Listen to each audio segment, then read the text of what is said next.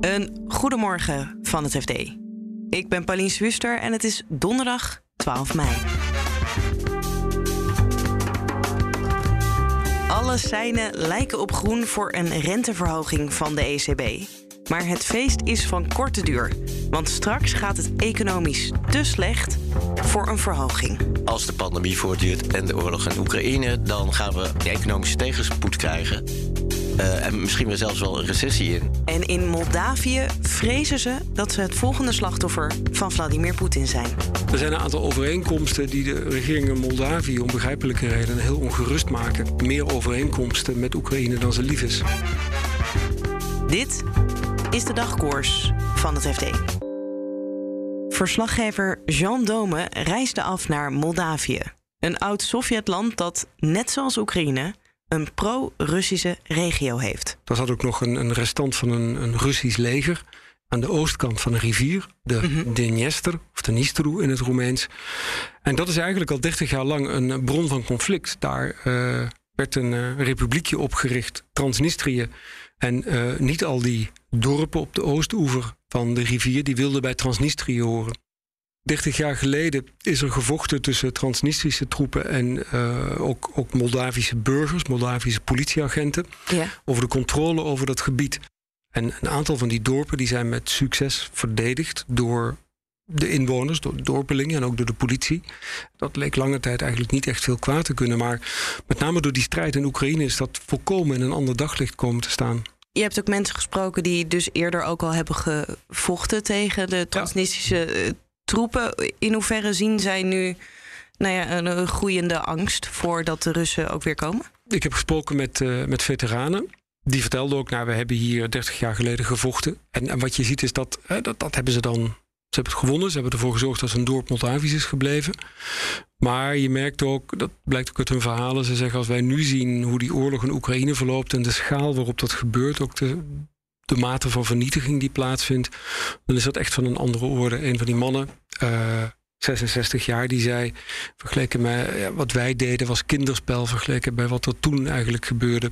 Maar ze zijn dus niet bang dat Rusland, net zoals ze nu bij Oekraïne hebben gedaan, gewoon zeggen: Nou ja, dit is ook groot Rusland, Moldavië willen we compleet in handen. Nou, ze zijn wel degelijk bang voor escalatie van het conflict. En dat bleek ook uit gesprekken die ik in de hoofdstad, in Chisinau, heb gevoerd. Uh, met uh, parlementariërs en analisten. Die zeiden van, van op enig moment, is ook door Russische generaals met zoveel woorden gezegd, hè, dat de, de, Russische fantasie is uiteindelijk ook de Oekraïnse havenstad Odessa veroveren, die trouwens economisch van groot belang is voor Moldavië, en dan een soort van landbrug te creëren naar Transnistrië. Dat zou kunnen gebeuren, hoewel op dit moment, als je kijkt naar, nou, ik ben geen militair expert, maar de gevechten vinden vooral in het oosten van Oekraïne plaats. dus het, gevaar dat dat op heel korte termijn gaat gebeuren lijkt niet zo groot. De spanning in Transnistrië blijft er wel, wat ik zei, er zijn een aantal aanslagen gepleegd. Ook een dag nadat ik weg was, was er een, een nieuwe, uh, was er een nieuw incident. Dus die zorgen ook van de kant van de Moldavische regering zijn er wel degelijk. En dat heeft ook mee te maken dat Moldavië niet zo'n groot leger heeft. In de praktijk ja, zijn ze mag je aannemen, niet in staat om, om heel veel te ondernemen wanneer er echt een grote Russische aanval zou komen. Ja, en ze hebben ook een verzoek ingediend voor toetreding van de Europese Unie. Heeft dat het ook geëscaleerd? Ja, wat je eigenlijk ziet is dat um, Rusland heeft um, al langer uh, een gespannen verhouding met Moldavië. Telkens wanneer Moldavië uh, eigenlijk stappen zetten richting Westen, richting aansluiting bij Europa, volgden er strafmaatregelen, sancties van de Russen. Het is een heel plakkerige, vervelende verstandhouding eigenlijk, kun je zeggen. Zodra Moldavië iets deed wat Moskou niet beviel, dan volgden er maatregelen. En wat je nu ziet, er zit uh, uh, nu een pro-Europese regering met een hele ruime meerderheid in het uh, Moldavische parlement. En um, wat je daar ziet is dat zij zich echt hebben voorgenomen nu vaart te maken met die aansluiting bij Europa.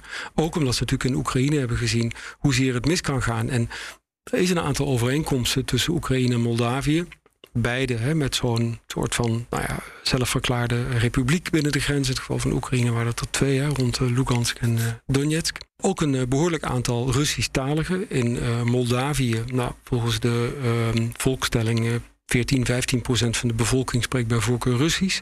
Dus hè, er zijn een aantal overeenkomsten die de regering in Moldavië om begrijpelijke redenen heel ongerust maken. Meer overeenkomsten met Oekraïne dan ze lief is.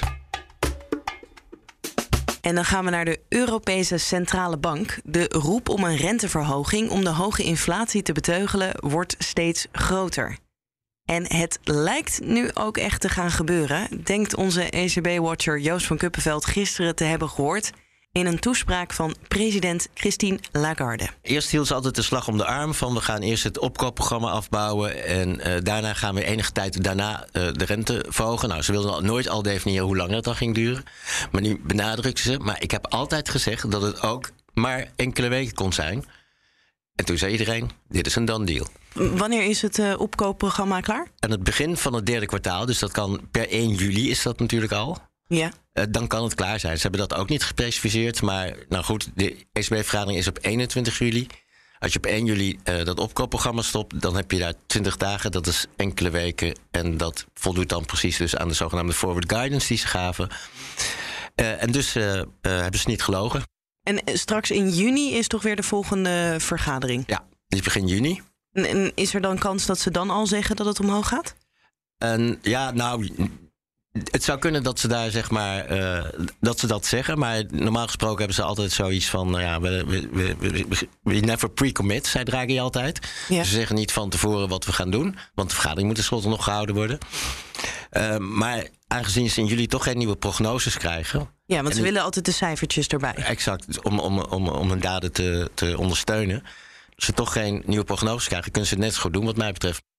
Het, is niet de eerste keer dat wij het hebben over de ECB. En dan is er ook altijd de markten weer, wat de markten verwachten. Je moet uh, ze niet verwarren en niet uh, teleurstellen. Is het dan omdat Lagarde nu er al dusdanig blijk van heeft gegeven dat de rente omhoog gaat, dat ze ook niet anders kunnen?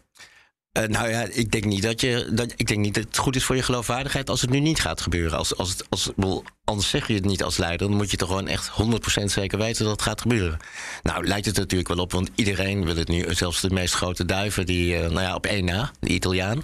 Die ziet nog steeds niet zitten volgens mij. Maar de, de, rest is om. En die willen dus allemaal in juli uh, de rente gaan verhogen. Ja, nog even de vertaling voor de luisteraar die er misschien niet zo diep in zit. Duiven Duiven die willen gewoon heel voorzichtig beleid voeren. Zoveel mogelijk uh, de economie stimuleren. En uh, de, de havenkens zijn conservatief. Ja, wat harder. Um, ja. Nou is het zo dat het is al een hele tijd is de rente uh, niet omhoog gegaan. 2011 was de laatste keer. Dan zou het nu dus in 2022 kunnen gaan gebeuren. Maar tegelijkertijd denk jij en experts die je hebt gesproken ook... dat dit een van de laatste keren is dat het weer kan. Hoe, hoe zit dat dan? Wat iedereen verwacht eigenlijk is dat als de pandemie voortduurt en de oorlog in Oekraïne, dan gaan we uh, nou ja, een economische tegenspoed krijgen. Uh, en misschien wel zelfs wel een recessie in. En nou ja, dat, dat is in december dan wel duidelijk. Dan zijn al die cijfers wel de economie. Uh, die zijn, zijn wel uit de economie gekomen. En dan, ja, dan met, je, met een goed verzoen in een recessie niet de rente verhogen. Dat is zeg maar niet hoe monetair beleid normaal gesproken werkt. En, en waarom niet? Om, om, omdat je dan de economie nog verder afknijpt. Ja, dus uh, een rente omhoog, dat zou eigenlijk een beetje moeten zorgen dat het uh, afkoelt, ja. de economie. Ja, dat, dat is het hele idee erachter. Dat je de, de, de, de, de vraag uit de economie, dat je dat afkoelt. Kan het dan, uh, als ik het goed invul, nog twee keer eigenlijk? Nou ja, als, als je er weer vanuit gaat dat er, weer, dat er wel prognoses moeten zijn, ja. dan, zou, dan zou dat nog twee keer kunnen. Ja, want dus op september komen die ook weer. Nou, dat zou dan de laatste mogelijkheid dan kunnen zijn. En in december dan zal het toch wel duidelijk zijn dat, het, uh, dat, dat we een recessie ingaan. Als we er dan van uitgaan dat inderdaad eind van het jaar de economie uh, nou, misschien in een recessie is, maar in ieder geval uh, tegenspoed, waardoor de rente niet meer omhoog kan. En we hebben dus wel twee keer konden we omhoog. Waar komt het dan op uit? Nou ja, dan, dan staan we weer op nul. Dus dan is de negatieve rente weg. Heb je dan nog speelruimte als ECB om iets nou ja, de economie een bepaalde kant op te bewegen? Ja, je kunt de rente weer verlagen. Dan zijn we weer terug bij af. Ja, dan zijn we weer terug bij af. Maar dan uh, hebben we toch even geen negatieve rente gehad. Dus ja, maar wat ze natuurlijk hopen is dat, het, uh, dat, dat ze daarna weer verder kunnen volgen als Oekraïne en uh, de pandemie is opgelost.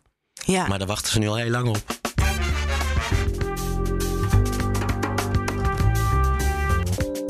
Dit was de dagkoers van het FD. Alles over de ECB en over Jean's reis naar Moldavië vind je natuurlijk op fd.nl. En je volgt daar ook het laatste financieel-economisch nieuws. Dagkoers volg je via je favoriete podcast-app Als je daar klikt op abonneren of volgen als je via Spotify luistert, dan vind je automatisch de nieuwe aflevering morgenochtend weer in je app. Voor nu een hele fijne dag en tot morgen.